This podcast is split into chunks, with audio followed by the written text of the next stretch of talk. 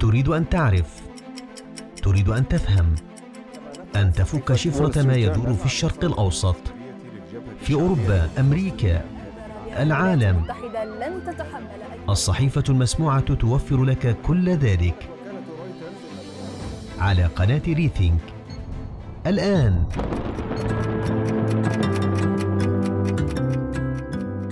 تحية لكم من الصحيفة المسموعة. معكم نوزة الصواش.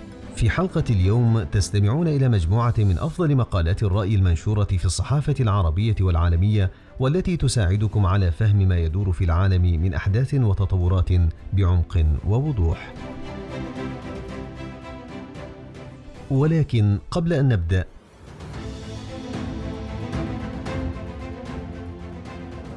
من كان يتصور أن فيروسا يمكن أن يقلب الدنيا رأسا على عقب؟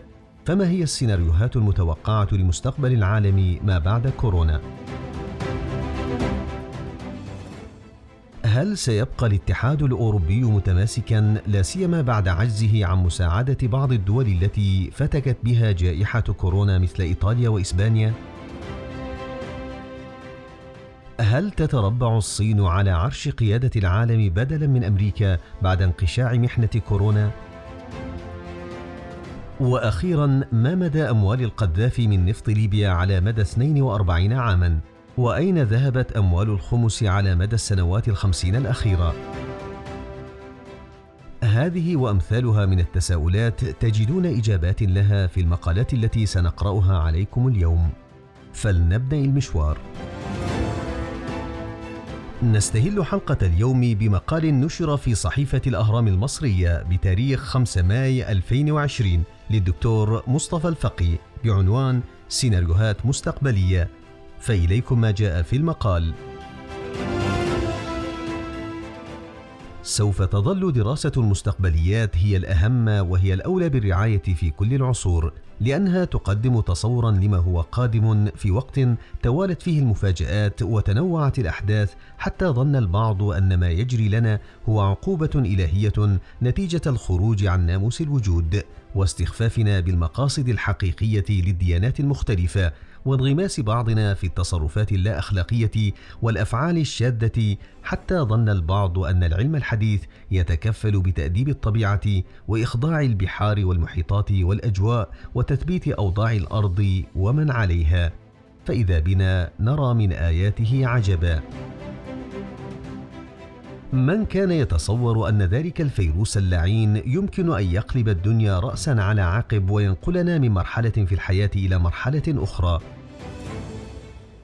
لذلك فإننا نتصور أن سيناريوهات المستقبل سوف تطرأ عليها تحولات مختلفة نذكر منها النقاط التالية. أولا سوف يسعى الآباء الكبار للنظام الرأسمالي المعاصر من ورثة روتشيلد وروكيفيلر وغيرهم إلى عملية نقد ذاتي ومراجعة شاملة لاقتصاديات العصر وموارده الطبيعية والبشرية في ظل المفاجآت الكبرى مثل تلك التي عرفها العالم في نهاية عام 2019 ومطلع عام 2020 عندما انطلق الفيروس من إحدى الولايات الصينية واجتاح العالم في شهور قليلة. وسوف يدرك دعاة الرأسمالية أن الدنيا قد تغيرت وأن العالم قد تحول وأن عليهم أن يتعاملوا مع الواقع الجديد واضعين في الاعتبار كل الاحتمالات ومتحسبين لكل الكوارث. ولست أنشر بذلك روح التشاؤم ولكنني ألفت النظر إلى أهمية الحياة وفقا لتوقعات السيناريو الأسوأ إذ إنه لا يوجد شيء مضمون في رحلة الوجود فكل قادم نسبي إلا المطلق الوحيد وهو الموت. ثانيا يتعين على الساسة والحكام مراجعة الأطر التقليدية لنظم الحكم وسياسات الدول. فلم يعد هناك نظام أمثل حتى إن البعض يرى أن الكورونا قد كتبت شهادة وفاة للديمقراطية بمفهومها الغربي لأن مسؤولية الدولة في ظل الأوضاع الجديدة تخترق حريات الأفراد وأنماط النشاط الخاص وتلزم الجميع بأن يكونوا على بينة مما يدور على اعتبار أن المسؤولية الجماعية تطفو على السطح وتعلو على الكل.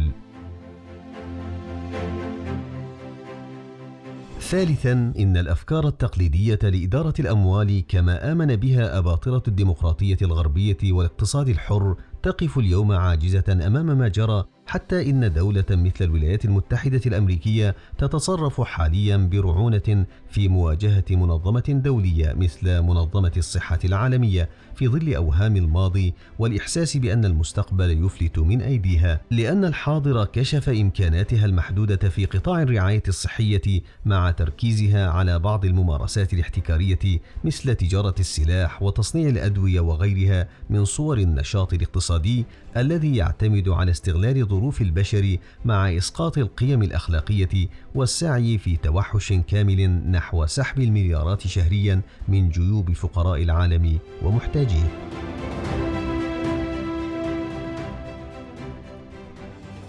رابعا إن عودة العالم إلى موجات من التدين والاعتصام بالدعوات الروحية سوف تكون تاكيدا لحالة الخوف التي استبدت بالبشر والقلق الذي عاناه الجميع.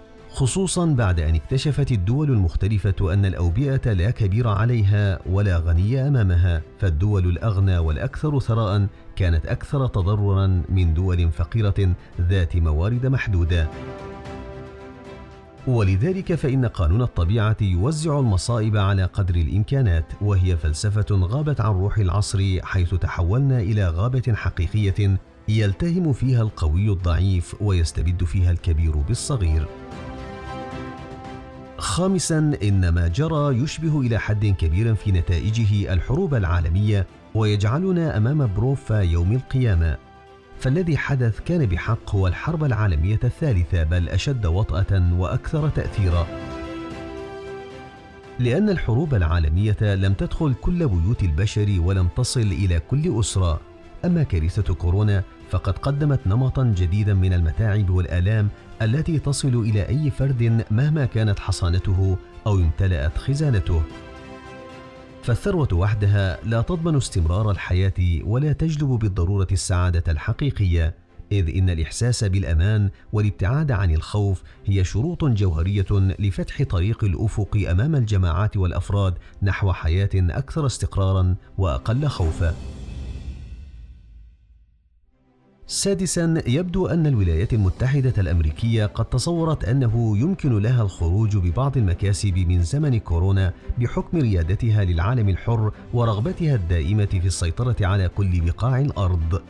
لذلك فإنها دفعت بعدد من الإرهاصات التي تدين الصين وتتهمها بالتقاعس في الفترة الأولى لحضانة المرض، بل وتشير صراحة إلى تواطؤها مع منظمة الصحة العالمية وتتهم مديرها الأثيوبي بالعمالة لبكين.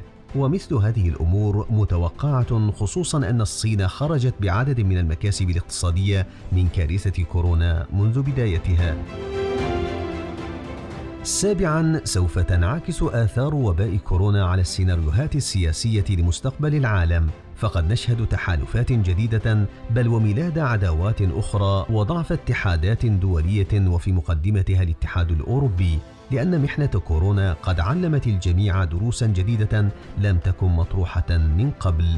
وقس على ذلك عشرات الأمثلة والنماذج لتغيرات قادمة خصوصا أن التحالفات الجديدة ليست بالضرورة كاملة ولكنها قد تكون ناقصة بحيث تشترك مجموعة من الدول في توجه معين ترتبط به وتختلف على أمور أخرى لا تتمسك بها. وأتصور أن هناك تقاربا صينيا روسيا على أسس قومية وليست أيديولوجية سوف يطرح نفسه من جديد. إن التنبؤ بالمستقبل أمر تحفه مخاطر كثيرة ولكننا نحاول قراءته من خلال بعض المؤشرات التي يمكن المضي وراءها للوصول إلى نتائج محددة ولكن الجزم بها أمر يجافي طبيعة البحث العلمي أو الدراسة الموثقة. إلا أننا نستطيع أن نقول إن سيناريوهات المستقبل سوف تكون بالضرورة مختلفة عما عرفناه في العقود الأخيرة.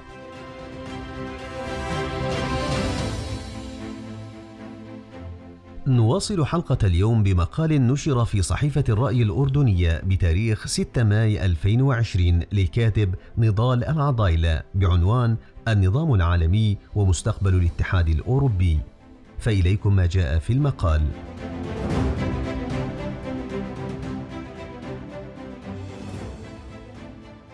تظهر القيمة الحقيقية لأوروبا في خارج أوروبا بشكل أفضل من داخل القارة العجوز لأن من هم خارجها يرون بكل وضوح ماذا قدمت أوروبا للسلام والحرية والديمقراطية وحتما الازدهار والرخاء وقوة الإبداع والأمن الاجتماعي، وهم يتوقعون بطبيعة الحال ألا تكتفي أوروبا بالنظر إلى الداخل فقط، وإنما أن تلعب أيضا دورا فاعلا على المستوى العالمي. اليوم تبرز العديد من التساؤلات حول قدرة هذه القارة على البقاء في دوائر الاتحاد والتعاون والعمل المشترك وحول اعتبارها وازنة ومؤثرة. فهل تستطيع اوروبا بعظمتها أن تحقق النجاح على المستوى الدولي في سعيها للتجارة العادلة وحماية المناخ ووضع قواعد مشتركة وعادلة حول مسألة الهجرة؟ وهل سيبقى الاتحاد الأوروبي يتحدث بصوت واحد؟ أزمة غير مسبوقة اجتاحت العالم تأثرت بها على وجه الخصوص دول أوروبية كبرى مثل إيطاليا وإسبانيا. فقد راح آلاف الأوروبيين ضحايا لتفشي فيروس كورونا المستجد. لكن الأمر لم يقف عند حد الخسائر البشرية أو الاقتصادية إذ إنه يهدد أيضا استمرارية كيان بحجم الاتحاد الأوروبي. ذلك أن عددا من الممارسات والقرارات التي اتخذتها عدة دول ألقت بظلال من الشك على مدى جدوى استمرار هذا التكتل. فهل فشل الاتحاد الأوروبي عند أول اختبار له منذ نشأته؟ سؤال يتردد حاليا على إثر انتشار كورونا في أوروبا وما نجم عن ذلك من انكفاء داخلي للدول الأعضاء وانحسار روح التضامن فيما بينها. كلنا يتذكر كيف شنت الصحف الإيطالية هجوما عنيفا على الاتحاد الأوروبي غداة قرار بارجاء اعتماد تدابير قوية في مواجهة التداعيات الاقتصادية لتفشي وباء كورونا المستجد. وكيف هدد رئيس الوزراء الإيطالي كونتي خلال القمة التي نظمت عبر الفيديو بعدم التوقيع على الإعلان المشترك في حال لم يعتمد الاتحاد تدابير قوية مرفقة بأدوات مالية مبتكرة وملائمة بالفعل لحرب يتوجب علينا خوضها سويا. إن دعم دول الاتحاد لدول منكوبة مثل إيطاليا وإسبانيا وفرنسا لم يكن على المستوى المتوقع مطلقا. ذلك أن الأزمة عميقة للغاية بالفعل وضربت كل دول العالم كما أنها غير مسبوقة على الأقل منذ مئة عام. بالتالي كان التعامل معها وإدارتها صعبا للغاية بالنسبة لكل الدول. حتى باتت دول مثل هولندا تشعر أنها في أزمة يصعب جدا عليها أن تقدم خلالها دعما لدول أخرى. أصبح هناك حاجة ملحة لإعادة تشكيل الاقتصاد الأوروبي وتعزيز الابتكار والتمكين للأفراد والديمقراطية وكذلك تعزيز دور الاتحاد الأوروبي دولياً. فسياسة عدم المساواة والابتعاد في أوروبا سوف يؤديان إلى تقويض الاتحاد الأوروبي والتأثير سلبا على تماسكه. فالاتحاد لم ينجح حتى الآن في إعادة دمج العمال ذوي المهارات المتدنية وكذلك الفئات الاجتماعية الأخرى الأكثر تهميشا. وبالتالي من الأهمية بمكان العمل على إعادة تزويد الأفراد بمهارات أكثر من أجل دمجهم في الحياة الاجتماعية بشكل سريع. أمام كل ما تقدم تظل التحديات الداخلية هي الأكثر تاثيرا على مستقبل الاتحاد حيث إن الأولوية العليا تتعلق بمدى قدرة الاتحاد الأوروبي على إعادة الثقة خلال السنوات الخمس المقبلة داخله. وبالتالي سوف يتوجب على الاتحاد الأوروبي استباق أي مشكلات مستقبلية ومحاولة تلافيها من خلال وضع استراتيجيات طويلة المدى تكون قادرة على اعتماد أساليب أكثر كفاءة وابتكارية وتنال رضا الأفراد والمجتمعات داخل الاتحاد. وكذلك عليه أخذ الآليات السابق ذكرها بجدية كبيرة من أجل تحقيق الاستقرار والازدهار للقارة الأوروبية خلال العقود القادمة. وأخيرا بات من الضروري على الأوروبيين اتخاذ كل التدابير اللازمة من أجل مزيد من المسؤولية الجماعية عن أمنهم واستقرارهم وهو ما يتطلب دورا أكثر نشاطا على المستوى الدولي في ظل نظام متعدد الأقطاب. وفي هذا السياق سيكون من الضروري مواصلة تطوير التحالفات الدولية والشراكات الاستراتيجية لا سيما مع الولايات المتحدة باعتبارها شريكا رئيسيا. وهذا التعاون يتعين أن يشمل تعزيزا للتكامل الاقتصادي. كذلك فإنه لا بد من التوجه شرقا بشكل متوازن في ظل الصعود الصيني الكبير. وهو ما لا يجب أن ينعزل عنه الاتحاد الأوروبي من أجل مستقبل أفضل للقارة.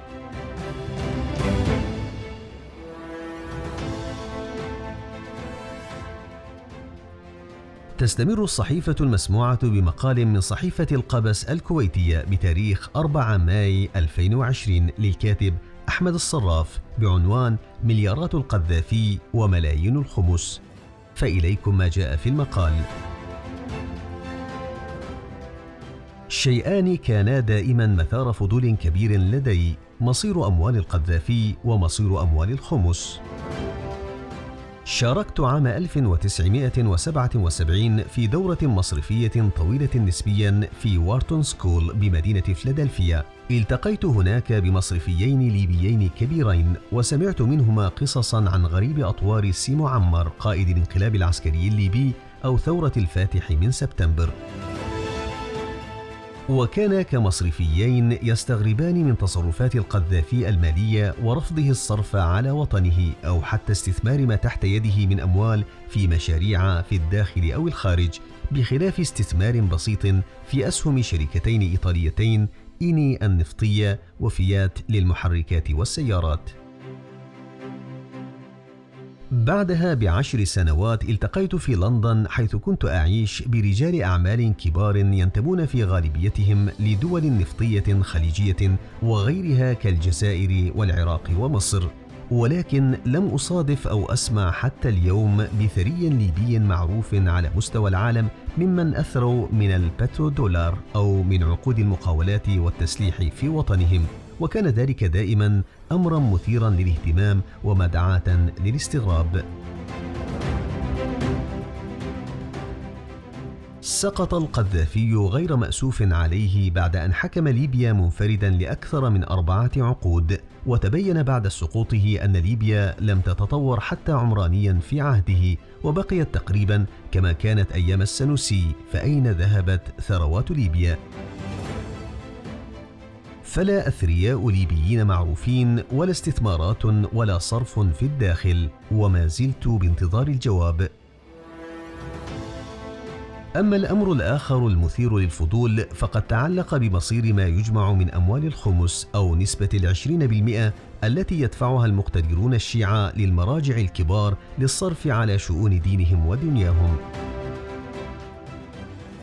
وحيث إن الشيعة يشكلون نسبة مؤثرة بالرغم من كونهم أقلية فنسبتهم لا تزيد على العشرين بالمئة من مسلمي العالم فإن ما يدفعونه لمراجعهم لا شك كبير. والخمس يدفع لحساب شخصية دينية وليس لمؤسسة عن طريق وكلائهم. وغالبا ما تؤول أموال المرجع لمن يأتي بعده من ذريته إلا في حالات قليلة. وللمرجع مطلق الحرية في التصرف فيما يتلقى من أموال وغير ملزم حتى بإعطاء وصل لمن يدفع له. ويمكن القول بشيء من الحذر أن لا أحد تقريبا يمكنه الجزم بمصير ما يتم دفعه من أموال للمراجع، ولن أخوض هنا في موضوع أجهله، لكنني أتساءل فقط من باب العلم بالشيء لماذا لم تتحسن أوضاع المدن التي يوجد بها المراجع الكبار منذ عشرات السنين؟ ولماذا تفتقد جميعها وحتى سنوات قليلة وربما حتى الآن لأكثر الأمور أهمية من شوارع نظيفة ونصف جيدة وفنادق ومطاعم مقبولة ودورات مياه معقولة؟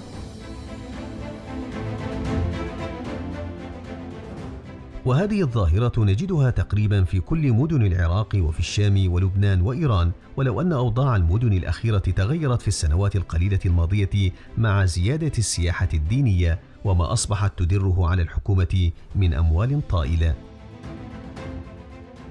سألت بعض كبار رجال الأعمال الشيعية الذين لا يزالون تأسيا بآبائهم وأجدادهم على عادتهم في إخراج الخمس عن مصير ما يدفعونه. فقال بعضهم إن هذا ليس مطلوبا منهم وقال آخرون إنهم لا يزالون يخرجون تلك النسبة ولكنهم يقومون بالتصرف بها حسب معرفتهم وأنهم قاموا وغيرهم ببناء المستشفيات والمدارس من أموال خمسهم في المدن الشيعية الفقيرة التي تمتاز بارتفاع نسب البطالة فيها والتي تفتقد أشياء كثيرة.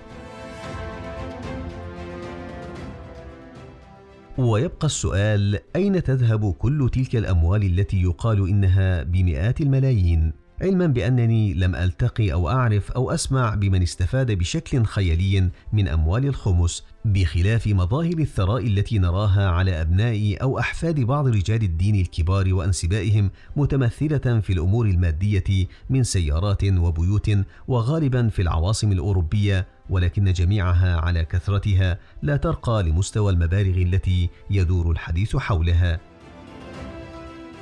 وبالتالي أتمنى أن أعرف قبل أن تقتلني الكورونا مصير أموال القذافي من نفط ليبيا على مدى 42 عاماً وأين ذهبت أموال الخمس على مدى السنوات الخمسين الأخيرة على الأقل؟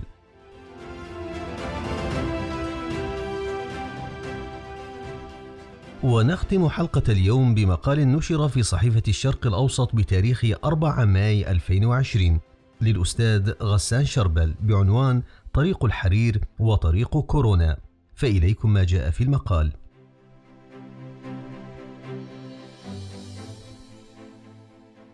سمعنا هذه العبارة من قبل. لن يكون العالم بعد هذا التاريخ مثل ما كان قبله. ولم يقل أحد إن هذه العبارة كاذبة حين تستخدم بعد حدث استثنائي. لكننا كنا نكتشف قدرا من المبالغة فيها خصوصا أن العالم كان يبدي مقاومة شديدة متمسكا بموازينه وعاداته وأسلوب حياته.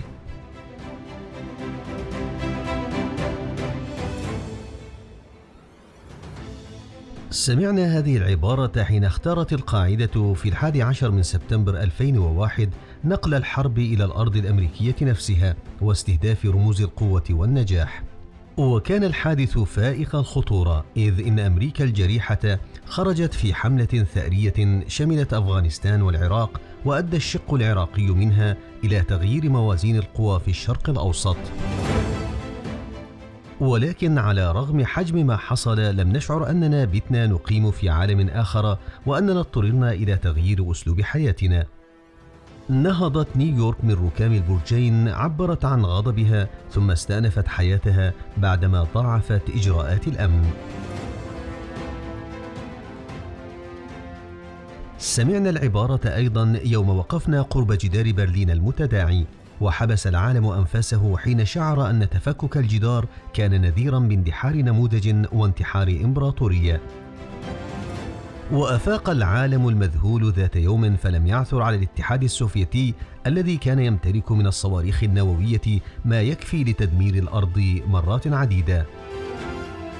وقرأنا كتبا ومقالات عن العالم الجديد وعالم القطب الواحد ونهاية التاريخ واختلطت القراءات بالرغبات خصوصا أنه كان من عادة الإمبراطوريات أن تغرق العالم في الدم قبل تواليها. وعلى رغم أن ما حدث كبير وهائل فإنه كان باستطاع دول وشعوب أن تزعم أنها بمنأى عن المجريات والعواقب وأنها غير مضطرة لإدخال أي تغيير على ميزانيتها ويومياتها وأسلوب حياتها. في حالة كورونا تبدو العبارة أكثر دقة مما كانت عليه في الأحداث السابقة التي سرقت اهتمام العالم وأثارت أسئلته ومخاوفه. يجزم الخبراء بأننا حين نتمكن من العودة إلى العالم الذي فررنا منه كما الطيور المذعوره إلى أوكارها سنكتشف أننا عدنا إلى عالم آخر توزع المقاعد في المكاتب سيكون مختلفا وعلى قاعدة التباعد. سيكون الحذر واجبا ولا بد من هاجس غسل الأيدي والكمامات والقفازات ومواد التطهير والتعقيم. ستتعمق قاعدة الاستغناء عن الأوراق. طبعا من دون أن ننسى أن عادات العناق والمصافحة تنتمي إلى العصر البائد. سيكون المطعم مختلفا ودار السينما وستصاب المكتبات بجرعات مضاعفة من خوف الشيخوخة وسيشعر الفرد بحجم هذا التغيير إذا ذهب إلى المدرسة لإحضار أطفاله وسيشعر به بالتأكيد في الطائرة إذا أرغمته مهنته على تذوق سماجة ما ستكون عليه المطارات في عصر كورونا. هذه المرة تبدو العبارة شديدة الدقة. من حق فلاديمير بوتين أن يشعر بذلك وبقدر من الغضب والقلق. كان الرجل سعيدا بما حققه منذ تسلم المصير الروسي في بداية القرن. أستاذ في تطويع الأحداث والرجال دجن نظاما ديمقراطيا ينام على وسادة الرجل القوي.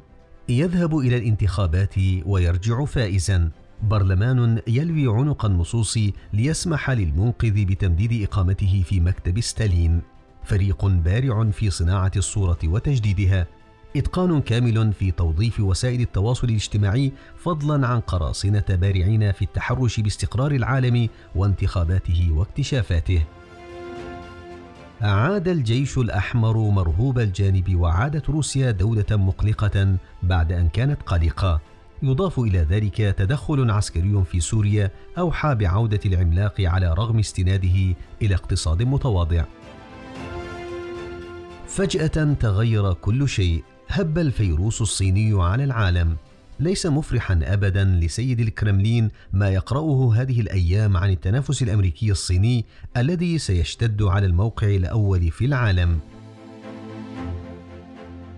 قبل عقود فقط كانت أمريكا تلاطف بلاد ماو لتحسن شروط التوافق مع بلاد لينين. واضح أن العالم أعاد توزيع الأحجام تاركا لروسيا مقعدا في الصف الثاني. في حين يتبادل دونالد ترامب وشي جين بينغ الضربات في الصف الأول.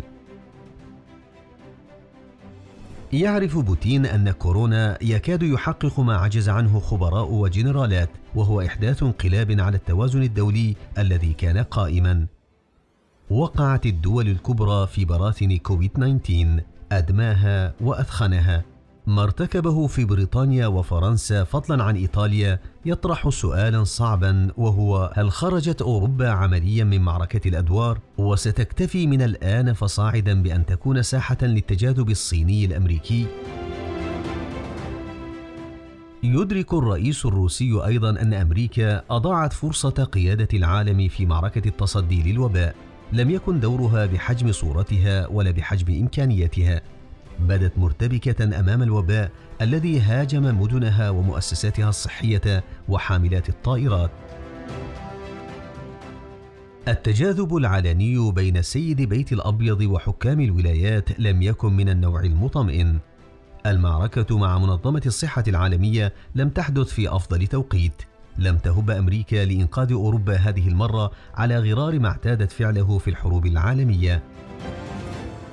كأن دفة القيادة تلوح بالابتعاد عن اليد الأمريكية وباتجاه اليد الصينية المتربصة. ما قيمة المرابطة في سوريا والانهماك بتنظيم حروب الدول الإقليمية على أرضها في وقت تستعد الصين لاحتلال موقع القيادة في العالم؟ يعرف بوتين في قرارة نفسه أن العصر الصيني سيكون أقسى عمليا على روسيا من العصر الأمريكي. الصين بحر بشري هائل يرفضه تنين تكنولوجي هائل يصعب الإفلات من سلعه وسلاسل إمداداته. بحر تقيم في عهده أكثر آلات التاريخ تماسكا وهي الحزب الشيوعي الصيني الهائل. مئة مليون رفيق وقدرة على الرقابة تتفوق على الشاشات التي تخيلها جورج أوفريل. يعرف أيضا أن خسائر أمريكا الباهظة اقتصاديا وإنسانيا قد تدفعها إلى الانكفاء لتضميد جراحها سامحة لطريق كورونا بتحقيق ما حلمت بتحقيقه طريق الحرير.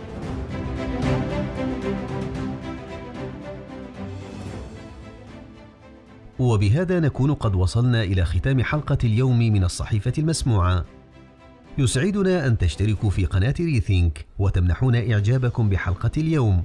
وكذلك أن تشاركوا مقالاتنا المسموعة عبر شبكات التواصل الاجتماعية مع أصدقائكم. كما يسرنا تعليقاتكم وآراؤكم. ابقوا على اتصال دائم معنا. ابقوا بأمان.